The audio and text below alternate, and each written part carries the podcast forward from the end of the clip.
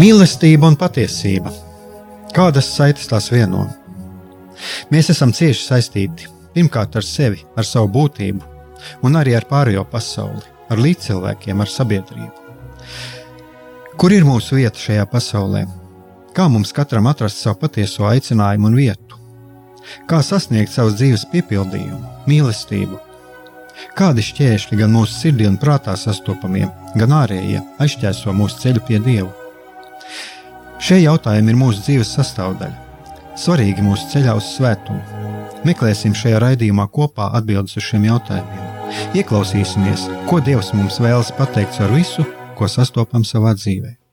Lai mūsu sirds un prāti atveras mīlestībai un patiesībai, raidījums mīliet cits citu.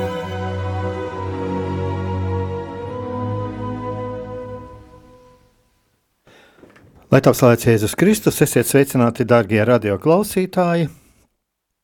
Šis ir raidījums Mīliet cits citu, un eh, šodien, šodien pie manis viesojas ir, ir viesis. Uh, politologs, es pats skatījos internetā, es atradu ne tikai politologs, latviešu mūziķis, mežradznieks, eh, politologs, uh, pasniedzējs, eh, politika zinātņu doktors, eh, tātad cilvēks apveltīts ar ļoti, ļoti daudziem, eh, var teikt, tituliem. Tātad politologs Ivars Ījaps.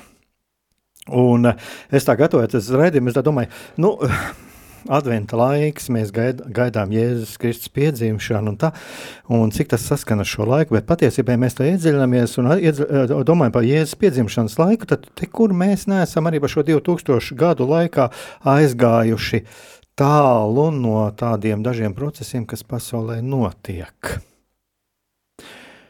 Un pirms uh, uzdot tādus sākt pirmos jautājumus, es man ienāk prātā, kad es vēl biju jauns un manā jaunībā, ka runāja, ka ir vajadzīga otrā Nienberga uh, padomju režīmam, uh, manī bija tāds mazliet tāds, uh, mazliet tāds pretrunīgs sajūts. Un kāpēc?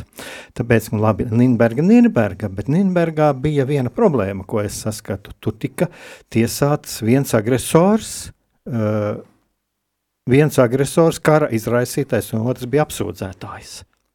Un eh, tā, kaut kā man gribēja sākt ar šo jautājumu. Tieši ar šo jautājumu, eh, jo es domāju, ka tam ir arī, eh, nu, tas ir arī savā ziņā tās otrā, vismaz es tā redzu, tās otrā pasaules kara notikumi un savā ziņā, jā, bija šeit Eiropā miers, bet kaut kur mēs tomēr arī izbaudām tās sekas šodien, nu, sevišķi sāpīgi to izbauda Ukraina. Kāds ir jūsu viedoklis par šo? Pirmkārt, labvakar, un paldies par uzaicinājumu. Man patiešām ir prieks būt šeit kopā ar jums tieši adventa laikā. Bet, ja domā par šo jautājumu, tad, protams, ka mums Latvijā, kas mēs esam gājuši cauri abu šo totalitāro režīmu valdīšanai, mums daudzas lietas ir iespējams krietni skaidrākas nekā tas ir Rietumē Eiropā. Tajā nozīmē, ka nu, vācu nacisms un padomju komunisms patiešām ir līdzvērtīgi noziedzīgi režīmi, vai ne? Savukārt, nu, kas attiecas uz Nirnbergas iespējamību, tad tādai, protams, ka vajadzētu notikt. Eh, cits jautājums ir, protams, eh, par to, ka, lai, lai, lai notiktu Nīderlandē, mums vajadzētu ieņemt Maskavu. tad ir jautājums par to, eh, cik rietumi uz kaut ko tādu ir gatavi. Bet kopumā, nu, raugoties uz to, kā abi šie totalitārie režīmi ir absolūti salīdzināmi, nu, tur nu, par to nebūtu jāšaubās nemirkli. Un, eh, nu, tādā gadījumā te ir šis jautājums, kā mēs varam vērtēt šo Nīderlandes procesu, jo nu, es kaut kā saskatu, ka tas tomēr arī bija sava veida politisks kompromiss. Jā, jā nu, protams, nu, tur bija padomju tiesneši klāt Višīnskis, eh, kurš, kā zināms, Tostā Nīderlandes procesam sākoties tika uzsaucis jau, nu, kas normālā rietuma tiesā nav pieņemami, bija uzsaucis kaut ko nāvi visiem apsūdzētajiem, vai ne, nu, kas tā ir tāda riktīgi padomju pieeja. Jurisprudencei, proti, ka mēs politiski spriedumu pieņemam jau pirms tiesas procesa sākuma. Nu, skaidrs, ka, nu, ja raugās tieši uz Višīnski, kurš citu laikā bija 40. gadā piedalījies Latvijas sovietizācijā, nu, tad tie bija asiņaini slepkavs, protams. Cits jautājums, ka tas Nirnbergas prāvas iznākums un tie rezultāti, protams, ka bija drīzāk vērtējami pozitīvi, jo tas nozīmēja to, ka mēs tagad, pat tad, ja kaut kāds režīms ir pēc savas iekšējās juris, judikatūras lēmis visu ļoti pareizi un tā tālāk, tad mēs tomēr Nīderlandes procesā pasakām, ir noteikts lietas, kas ir pāri stāvošas jebkurai nacionālajai likumdošanai, un tās lietas, kuras jūs te esat darījuši ar to domājot nacistiskos noziedzniekus, tās nekādā gadījumā nav attaisnojams vai piedodamas pat tad, ja pēc jūsu iekšējiem likumiem it kā viss bija pareizi. Nu, tādā ziņā, nu, ja šodien pastāv kaut kas tāds kā starptautiskā krimināla tiesa, Un tā tālāk, tad tur, protams, nu, Nīderlandē aizsāka to procesu. Uh, cits jautājums ir, protams, tieši tas, ko jūs sakat, ka nu, tur uh, staļinisms uh, noteikti būtu pelnījis līdzvērtīgu procesu, kaut arī Nīderlandē viņš bija uzvarētāju pusē. Nu, šeit mēs no, no vienas puses man ir ienācis prātā tāds, ka mēs arī tā varam skatīties kādu noziedznieku tiesā, tad, kad viņš ir noķerts. Un kādreiz ir zināms, ka lūk, šeit ir šis noziedznieks, bet nav šo resursu, lai ar viņu tiktu galā.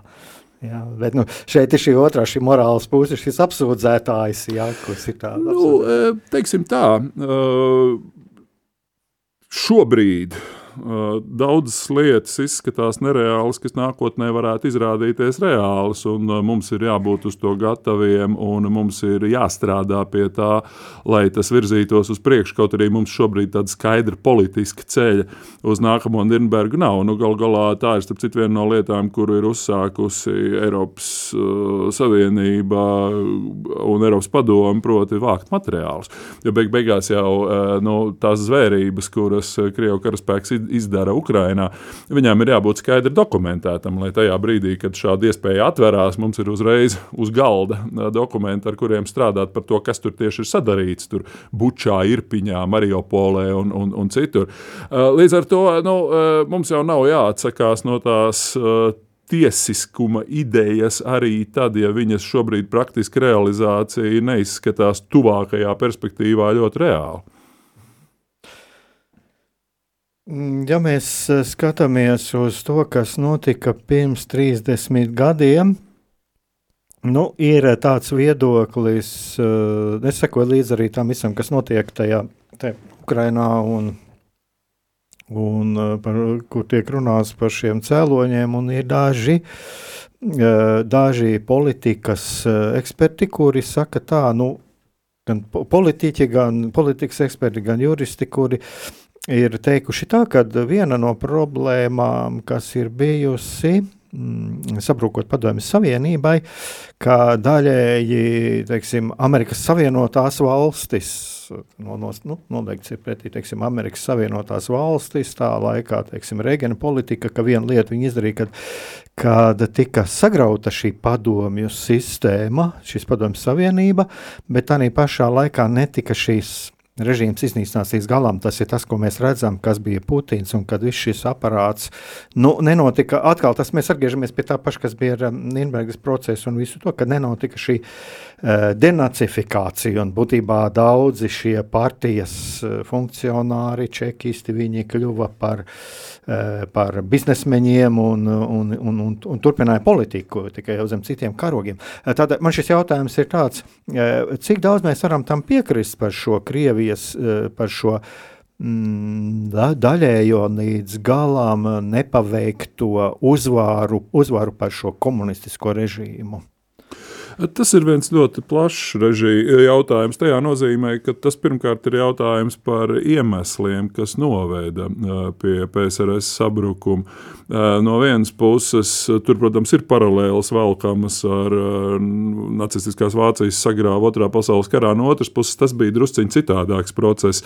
Pirmkārt, tādēļ, ka tas padomju režīms bija zaudējis jebkādu leģitimitāti pašā valsts iekšienē un Baltijas valstis ar savām neatkarības kustībām. Tur bija viss spilgtākais apliecinājums. Tādā ziņā tur, nu, bet tas, ko jūs sakat par to nu, turpinātību mūsdienu Krievijā, protams, tur par to galīgi nav šaubu. Mēs varētu uzdot jautājumu, cik lielā mērā tā dekomunizācija ir tikusi veikta pie mums, bet nu, Krievijā par to vispār nav runas. Nu, gal galā viņiem tur Ļeņingradas apgabalu joprojām sauc par Ļeņingradas apgabalu, nu, nevis par Sanktpēterburgas apgabalu, jo viņi pil, pat pilsētas nav pārdēvējuši, bet nerunājot par to, ka viņiem pat institucionālā struktūra ir ļoti līdzīga, kā tas ir uzbūvēts. Starp citu, tā jau nav nekāda nejaušība, ka prezidenta administrācija atrodas tajā pašajā ēkā, stārēja plošķaģi, kurā iepriekš atradās kompartijas cek. Proti, nu, mēs zinām, ka tas joprojām tā ir, ka nu, ir kaut kas tāds kā valdība Krievijā vai nē, bet valdība nav tā, kas nosaka visu. Agrāk tas, kas noteica, bija komunistiskā partija, tagad tā ir prezidenta administrācija, kas ir aizņēmusi principā to pašu nišu. Un tādā ziņā es domāju, ka Nu, eh, ja runā par tādu dekomunizāciju, Tad eh, nu, Krievijas kultūrā jāsaka, ka eh, īpaši tā sākoties agresijai pagājušajā gadā pret Ukrajinu, mēs saprotam, ka nu, tur arī nav notikušas tādas pārmaiņas, kādām vajadzētu notikt vienā demokrātiskā valstī. Jo, ja tā padomā, tad eh, nu, raugoties tieši uz nu, to komunistiskā režīma nosodījumu, protams, ka Krievijam ir arī kaut kāda nu, nosacīta tāda antikomunistiskā tendence sabiedrībā. Nu, tur visādi, tur nezinu, Solženīcini, Ahmatovs ar saviem rekvijēmiem, tur virkni citu autoru, bet viņi, diemžēl, īpaši Puķini Krievijā ir absolūti marginalizēti, un ja viņi pilnā nopietnībā publiski šobrīd apsver iespēju pārdēvēt Volgogradu atpakaļ pēc Staļingradu, nu, tad mēs apmēram varam iedomāties, kur tur ir. Bet jāņem vērā, protams, arī tas, ka tajā Krievijas kontekstā jau tā komunistiskā ideoloģija gāja rokā ar to Krievijas impērismu, kas gal galā nesākās 17. gadā ar oktobra apvērsumu, bet sākās krietni, krietni iepriekš. Nu, tādā ziņā es domāju, ka tur Puķins ir tikpat lielā mērā Ivana Bargā, Pētera I vai Aleksandra III mantinieks, kā viņš ir Leņķina un Staļina mantinieks. Nu, es domāju, ka jā, šķiet, ka šī ir ļoti vērtīga, vērtīgi to atgādināt, jo Man iznāk kādreiz cilvēkiem runāt, kad viņi runā par komunismu, par komunismu, tad es, es parasti saku, nu, pagaidi, nu, neskatīsimies tik daudz varbūt uz šiem āriem simboliem un uz šo sirpu un amunu, paskatīsimies, ko dara Maskavas patriarchāts, jā. Un uh, no otras puses, nu, ja mēs arī paskatāmies, nu, cilvēks jau var būt antikomunists, bet, nu, cik es zinu, arī Solženīcins tomēr savas tās jā, jā, jā, dzīves protams, pēdējie protams, protams. viņām bija tur tāds, nu, var teikt, eh, nu, nevarētu tā saukt par demokrātisku skatījumu. Ja, arī, jā, viņš būtībā arī vērsās pret tiem pašiem rietumiem diezgan ātri, pret tiem pašiem rietumiem, ko viņš patvēra starp citu. Jā, jā un, un draudzējās ar tiem pašiem e, KGBšņikiem, kuri viņu savulaik sēdināja cietumā un izdzina no valsts. Jā, jā, jā. Ne, un te mēs varam pieskarties varbūt arī tālāk par šo domāšanu, jo mm, Jūs pieskarāties arī šīm uh, dekomunizācijas uh, procesiem, kas nenotika. Un, jā, viņi nenotika arī Latvijā līdz galam. Man šķiet, ka šeit arī mēs piedzīvojam daudz, kur šīs problēmas ir ar to pašu, kad ir pārmantots gan šīs. Nu, daudz kas ir no tās padomju okupācijas pārmantots, bet tas būtu atkal kaut kāds jau plašāks temats. Bet, uh, vēl viens tāds jautājums ir, uh, Un eh, šeit es tā saskaroties, es, es varu teikt arī tikai par savām subjektīvajām izjūtām, kad, eh, ja mēs paskatāmies, kādas sajūtas bija Nu, es vismaz varu teikt pats par sevi. Savā ziņā man bija lielāks optimisms pirms gada attiecībā uz Ukrajinu un to, kas notiek Ukrajinā. Lielāks nekā tagad. Ja. Lai gan es, nu, mans, man vienmēr ir šī devīze arī, teiksim, būt ticības un prāta, emociju un prāta līdzsvaram. Ja. Bet nu, mums objektīvi mēs visi gribam šo labāko iznākumu, un es uzskatu arī, ka šī Ukrainas uzvara ir arī mums Latvijai vajadzīga, vispār visai pasaulē. Bet, lūk, kas notika Ukrainā, tāda pēc tam visi šie 7. Eh, oktobris šis eh, terora uzbrukums Izrēlā un visas šīs lietas. Ja, uh, ir cilvēkiem tāda sajūta, es esmu arī, kas, ar ko man dažiem nācies runāt, ja, ir kaut kāds, neteiksim, ka ir galīgi ticības zudums, bet ir parādījušās kaut kāds tāds pesimistisks notis par to, jo bija šī cerība, ka būs Ukrainas uzvara, ka tagad Ukraina ies un uzvarēs un atbrīvos savu atlikušo teritoriju, bet, uh, lūk, tagad ir šī kardarbība astāsies. Ko es, ko es gribu par kādu jautājumu, es gribu arī mazliet parunāt, tas ir par šo situāciju Ukrainā, pašā un šī lēn, lēnā palīdzība Ukrainai. Kāpēc tā notiek? Pirmkārt, Pesimismam noteikti ir savs pamats, bet es domāju, tieši tādā eh, cīņas spāra eh, un tādā nu, kaut kādas normālas, pozitīvas perspektīvas ziņā, es domāju, ka mums vajadzētu mācīties no pašiem ukrāņiem, kuri tomēr grozi kā gribi cīnās ļoti, ļoti varonīgi. Un pat neskatoties uz to, ka viņi tur savā starpā šad un tad arī kaut ko pastrīdās, es domāju, ka šobrīd tā, tas atbalsts tam, ka eh, Ukrainai ir jāuzvar, ir absolūti konsolidēts.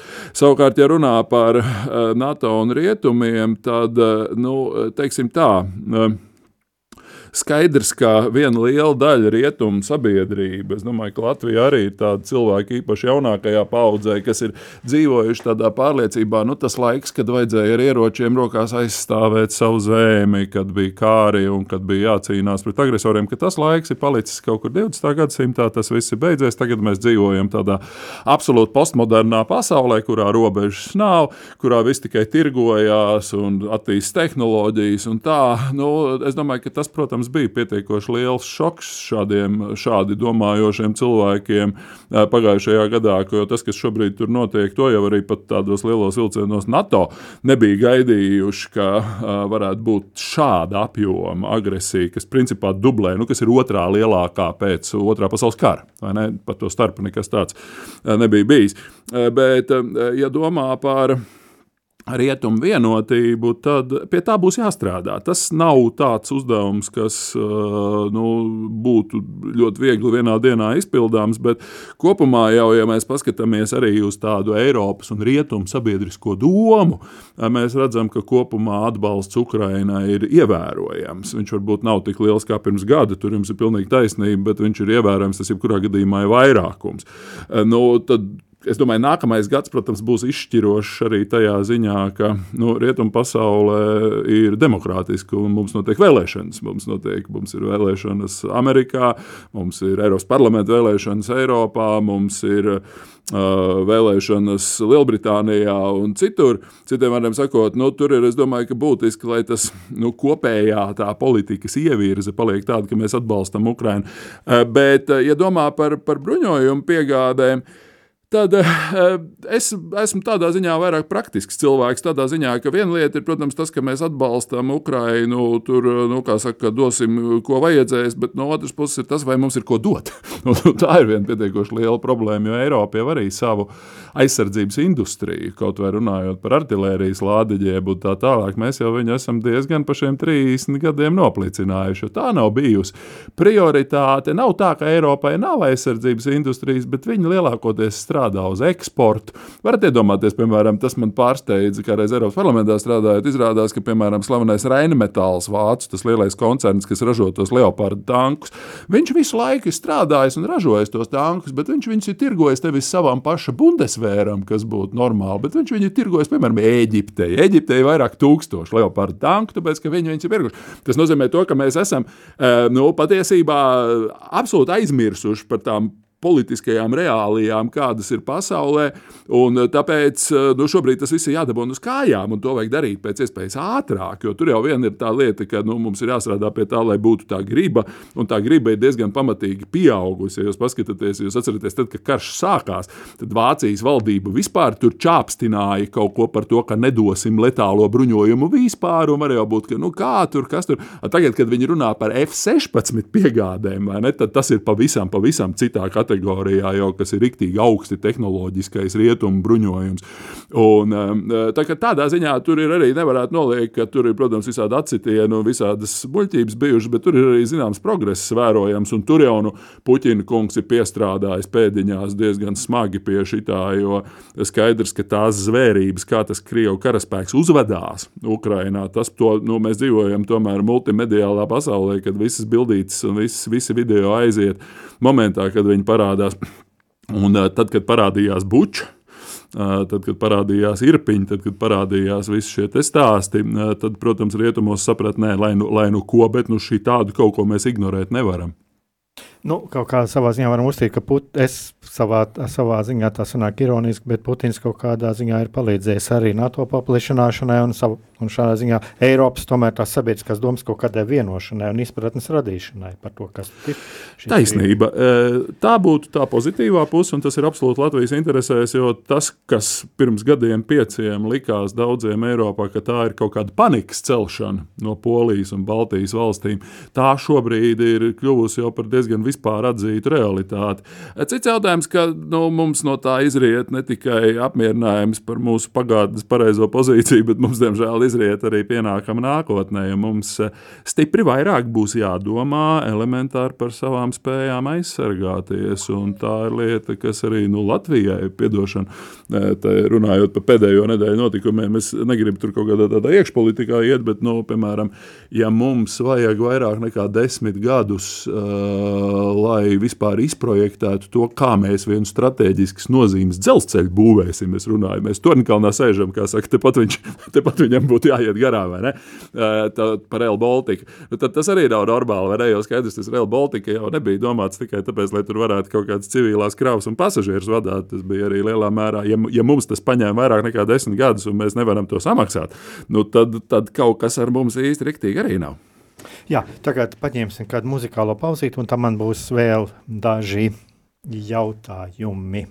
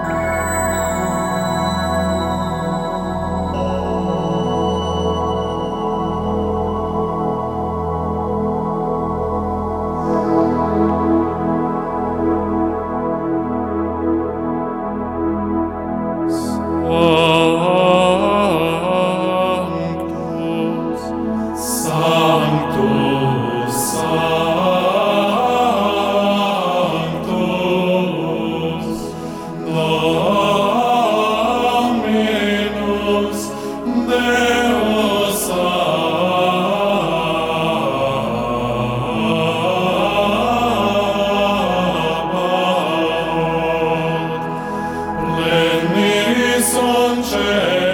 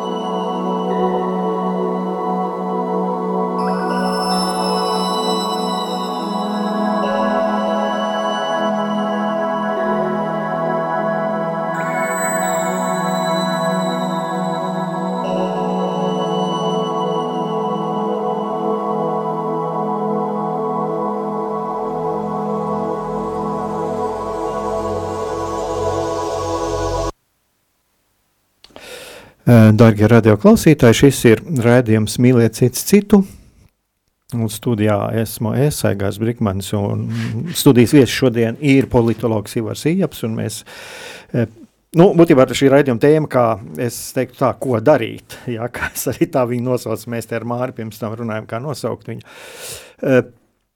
Un mēs turpinām sarunu, un uh, Tagad, eh, nu, man tomēr arī mazliet, jā, mēs jau mazliet pieskārāmies šai domāšanai un, un, un tam, nu, ko darīt, ja, jo, jā, ir šī apziņa, un cik šī apziņa ir patiesībā mm, sabiedrībā šeit Latvijā stipra par to, kad, jā, eh, vai nav tomēr ir aizmirst šāds jēdziens, kā tomēr arī kaut kāds pienākums, Jā, jo nu, ir daudz ko runāts, jā, ir tiesības, tiesības ir ļoti labi, bet arī es sāku reiz par reizē domāt, jā, nu, ja mums ir šī zeme, šī Latvija, uh, Jā, kā ir ar šo pienākumu sajūtu. Un atkal es esmu bieži vien oponējis, ka, teiksim, ir internetā tādas bildes, tur tādi vīrieši, otrā pasaules kara tādi, un, tad, un mūsu tie, nu, tie puķu bērni, jā, nu, gluži tā nebūtu. Vai nav tā, ka tomēr, nu, mēs gan nevaram pateikt, bet es tā gribētu mierināt, kādreiz cilvēks, nu, ja jau nāktu,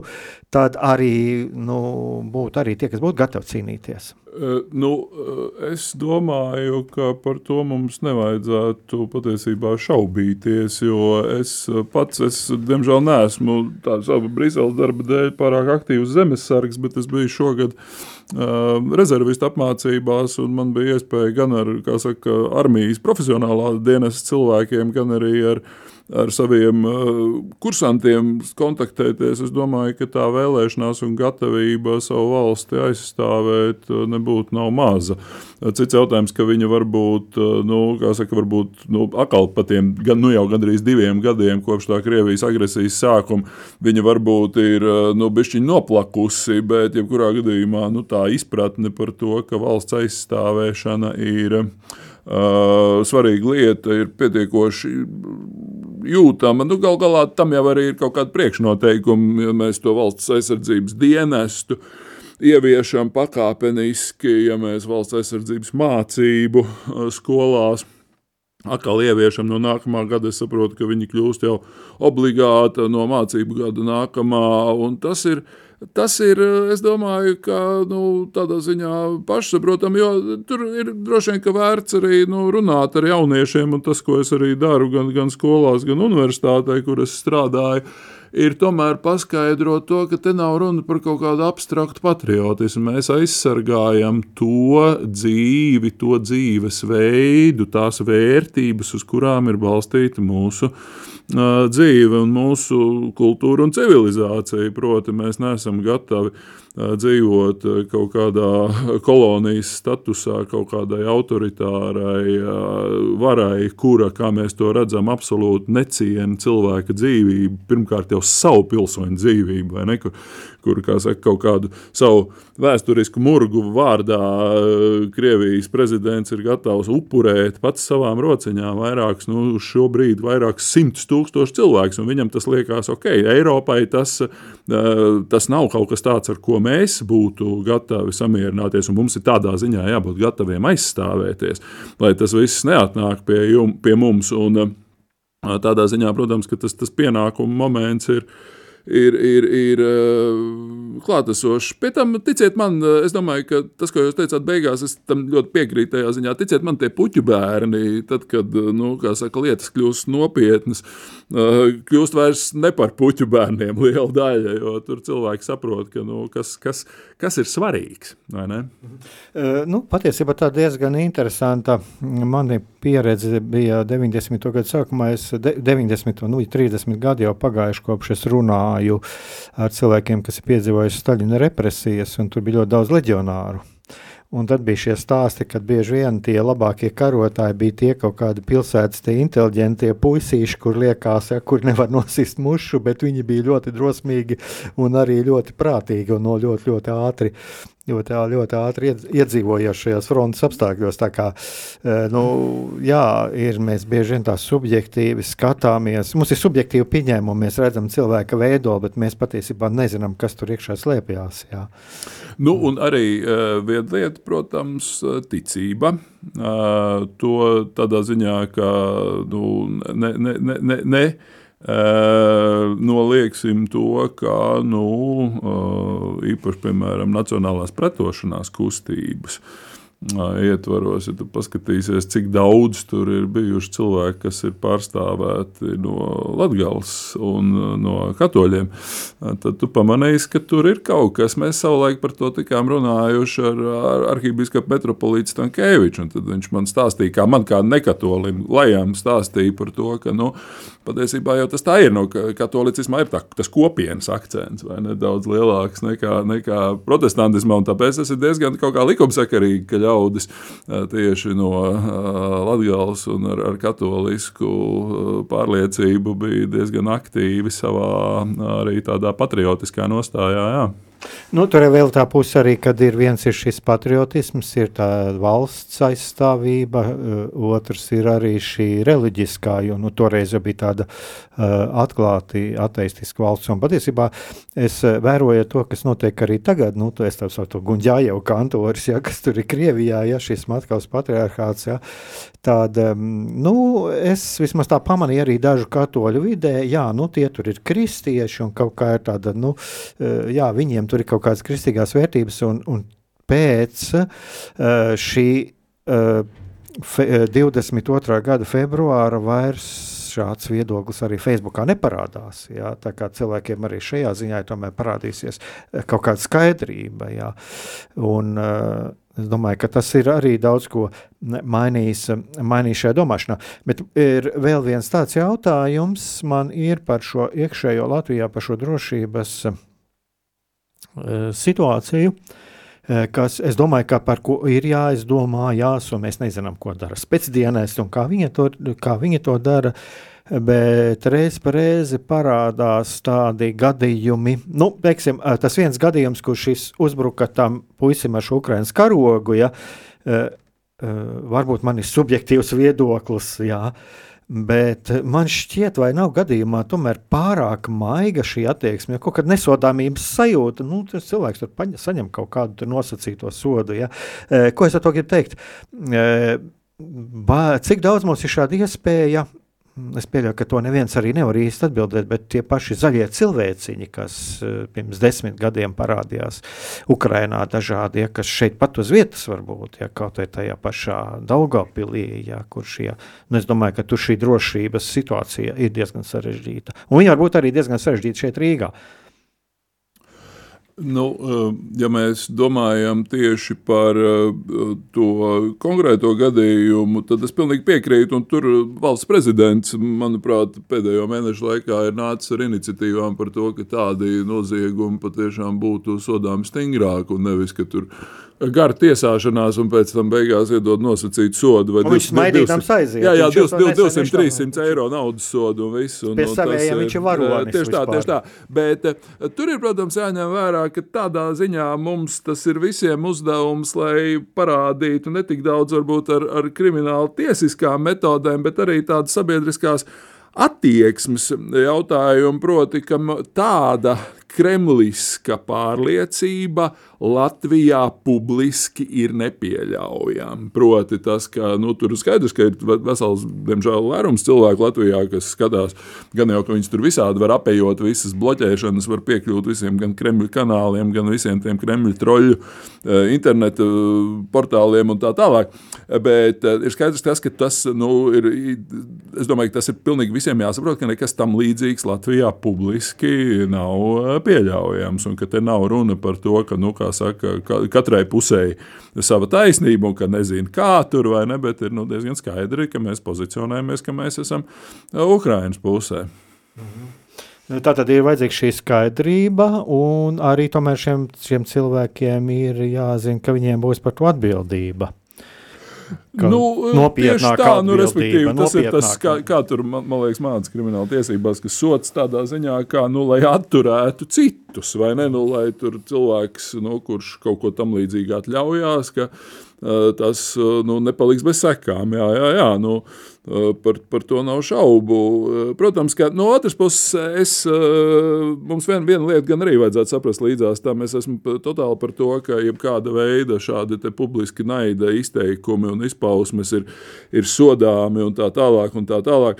Vienlaikus mums, protams, arī nevajadzētu aiziet tādā nu, netveramā plašumā, interpretējot to, kas varētu būt. Jo mums, saprotiet, tas jau ir arī Eiropas izaicinājums, proti, Eh, aktīvi visiem spēkiem cīnīties pret puķinismu, pret šo agresīvo krievu impērismu un pret šo faktiski proto-totalitāro iekārtu, kas apdraud kaimiņus, vienlaikus nekļūstot līdzīgiem viņiem. Ne? Jo, ja mēs paraugamies to, kas notiek Krievijā, jūs droši vien arī sekojot līdzi pēdējo dienu notikumiem, tad jūs pamanīsiet, nu, ka tur ir kaut kāds pilnīgs ārprāts sācies, ka tur ir, eh, saprot, kā kuņins, nu jau ir, kā saka, ne tikai izdzīts no valsts, bet nu jau saka, izdevniecība, kurā viņš ir savus grāmatas publicējis, ir jau, jau, saka, jau likvidēta. Tā kā, tādā ziņā mums ir jāturās pie tā, kas ir rakstīts mūsu satversmē, un mūsu satversmē tādā ziņā, paldies Dievam, ka ir tas uh, satversmes ievads, kurš ir pielikts klāt, kurš kādreiz uzrunā tieši Latvijas piederību rietumu kultūras telpai, un ap citu uzrunā arī to, ko jūs pieminējāt iepriekš par tiem pienākumiem, ne, mums ir, mums ir ne tikai tiesības, kuras mums ir, bet ka šīs tiesības korelē ar noteiktiem pienākumiem. Tādā ziņā tas, tas ir tas mūsu uh, mūsu pamats, eh, ka mēs to ņemam nopietni, atšķirībā, nevis, eh, atšķirībā no Krievijas, kas savu konstitūciju jau sen varēja izmest miskastē. Mhm.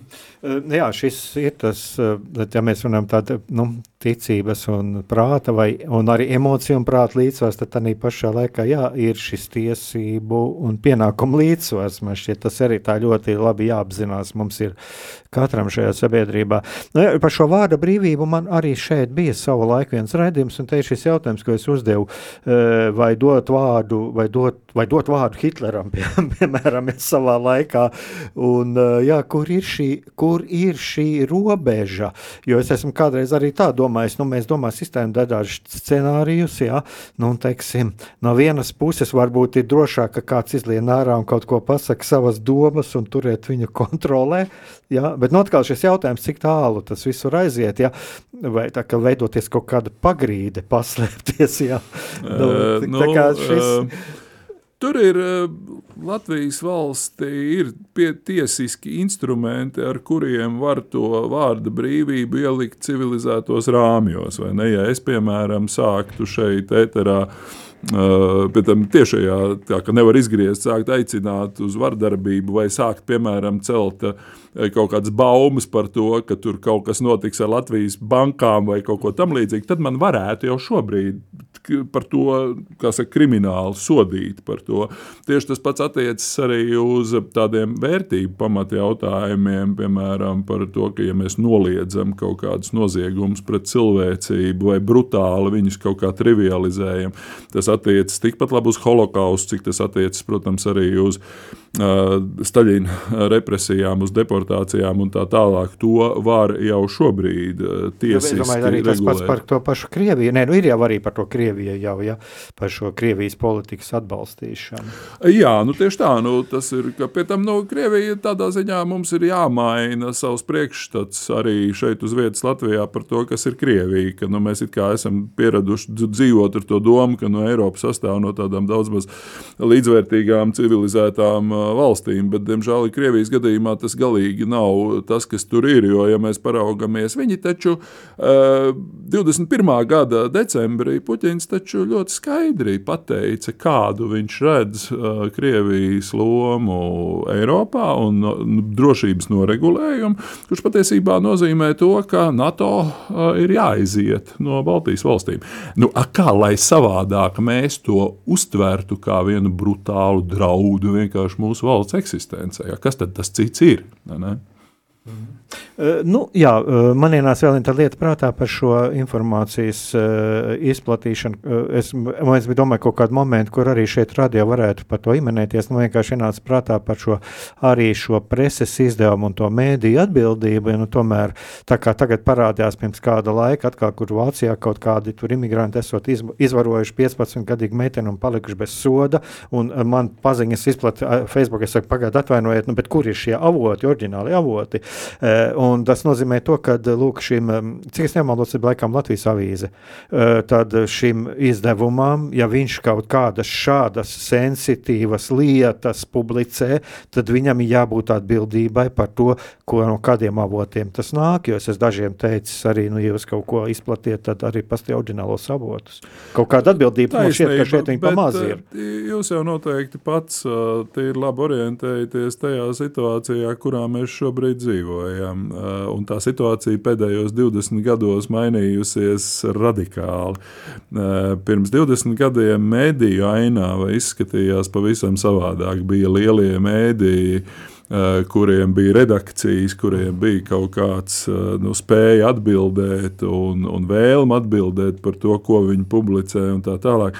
Tagad mēs dzīvojam situācijā, kad katrs eh, spēj kļūt par masu mēdīju, turklāt tam visam nāk līdzi arī šī nu, klikšķu ekonomika, ne, kurā cilvēki vienkārši cīnās par uzmanību. Kā rezultātā, nu, protams, ka uzmanību ir visvieglāk piesaistīt ar kaut kādiem aplamiem, bet ekstrēmistiskiem viedokļiem, gan no vienas, gan no otras puses. Un, nu, tad ir jautājums, kā var to cīnīties. No, tas arī kā reiz ir rubrikā zem vārda brīvības. Es domāju, ka mums droši vien, vismaz izglītības sistēmā ir jāmāca jaunieši tomēr atšķirt graudus no pelēlām, tādā izpratnē, ka nu, mums ir autoritatīvi avoti, kurus ir jālasa un kuri ir adekvāti. Un uh, ar skepsi jāizturas pret visu, kas nāk nezinu no kurienes, jo tās iespējas ar mums manipulēt uh, jau tuvāko laiku, gadu laikā kļūs ar vien plašāks un plašāks nākot iekšā mākslīgiem intelektam, visādi veidi deepfakiem un tā tālāk. Tādā ziņā nākamais gads arī būs tieši vēlēšanu kontekstā diezgan, diezgan saspringts, jo tās iespējas manipulēt kļūs ar vien viltīgākas. Mēs jau redzam, kā tas notiek. Un savukārt nu, Eiropas uzdevums savukārt ir tās lielās platformas. Ielikt kaut kādos rāmjos, lai viņas visus šādus ļaunprātīgus fejkus vienkārši aizvāca visus tos no nu, Facebook, Google, Instagram un tā tālāk. Jā, un noslēgumā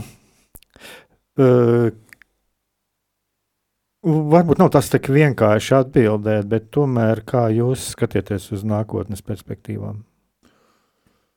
Es domāju, ka nākotnes perspektīvas ir uh, pozitīvas, ja izpildās virkne ar priekšnosacījumiem. Un skaidrs ir tas, ka uh, rietumiem ir iespējas uh, uzvarēt šajā sacensībā ar uh, Krievijas agresoru un arī ar citiem teikt, pret mūsu vērtībām strādājošiem spēkiem, bet tikai ar noteikumu, ka rietumi nepārstās būt rietumi. Jo, protams, ka rietumos mēs esam pieraduši arī nu, tā, līdz tādai pakāpei birdināt sev pelnus uz galvas, ka mēs jau patiesībā atbalstam tos savus oponentus, kuri vēršas pret mums. Es domāju, piemēram, to, kas notiek šajā Izraels-Palestīnas konfliktā, tad mēs patiešām redzam vienu kliedzošu situāciju, kur nu, tur pašās smalkākajās Amerikas universitātēs ļaudis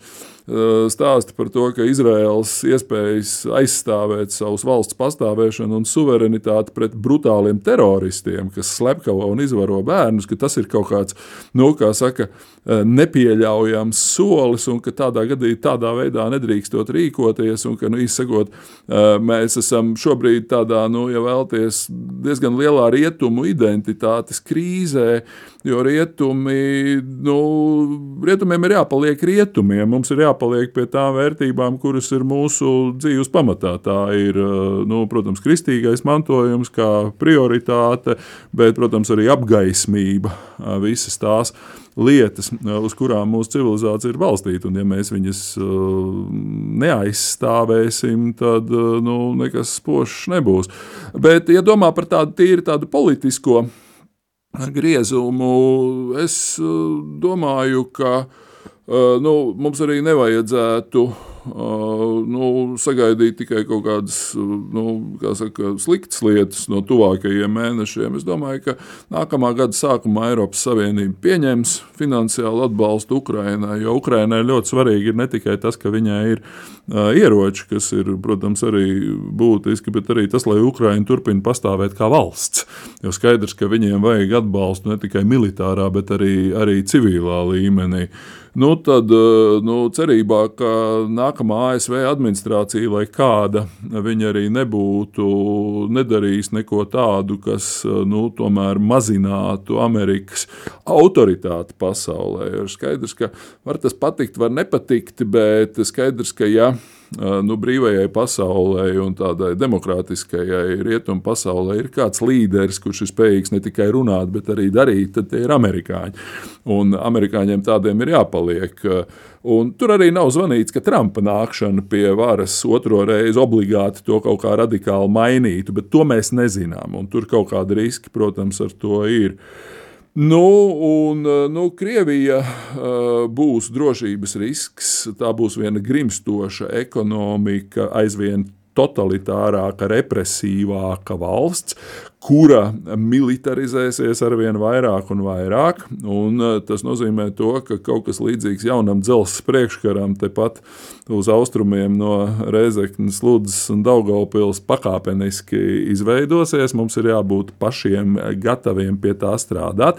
Jo skaidrs, ka tie eh, NATO un Eiropas Savienības partneri jau mums palīdzēs, un viņi arī pakāpeniski saprot, par ko ir runa.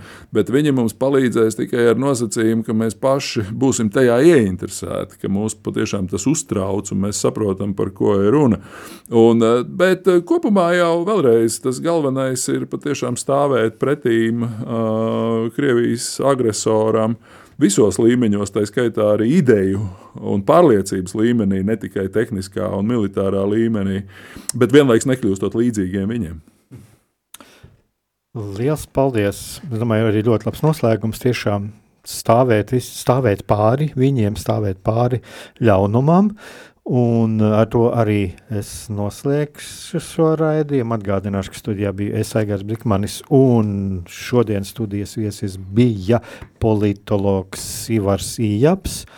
Un ko es eh, vēlētos novēlēt mums visiem, darbie radioklausītāji, eh, kā es sākumā teicu par šo mm, Ziemassvētku laiku, ko mēs gaidām. Es domāju, ka jā, mēs uh, dzīvojam ne tik vieglā laikā, bet es ticu, ka šis Jēzus bērns piedzims, viņš piedzims arī šajā pasaulē. Un uh, tas Jēzus bērns, kas ir šīs patiesības un mīlestības nesējs, un mūs visus, visus uh, sagaida, sagaida šis prieks un brīvība. Ticēsim tam, lūksimies par to un, un darīsim, lai šis Jēzus bērns ienāk mūsu pasaulē. Paldies un priecīgs Ziemassvētku! Mīlestība un patiesība. Kādas saites tās vieno? Mēs esam cieši saistīti pirmkārt ar sevi, ar savu būtību, un arī ar pārējo pasauli, ar līdzcilvēkiem, ar sabiedrību. Kur ir mūsu vieta šajā pasaulē? Kā mums katram atrast savu patieso aicinājumu un vietu? Kā sasniegt savas dzīves piepildījumu, mīlestību?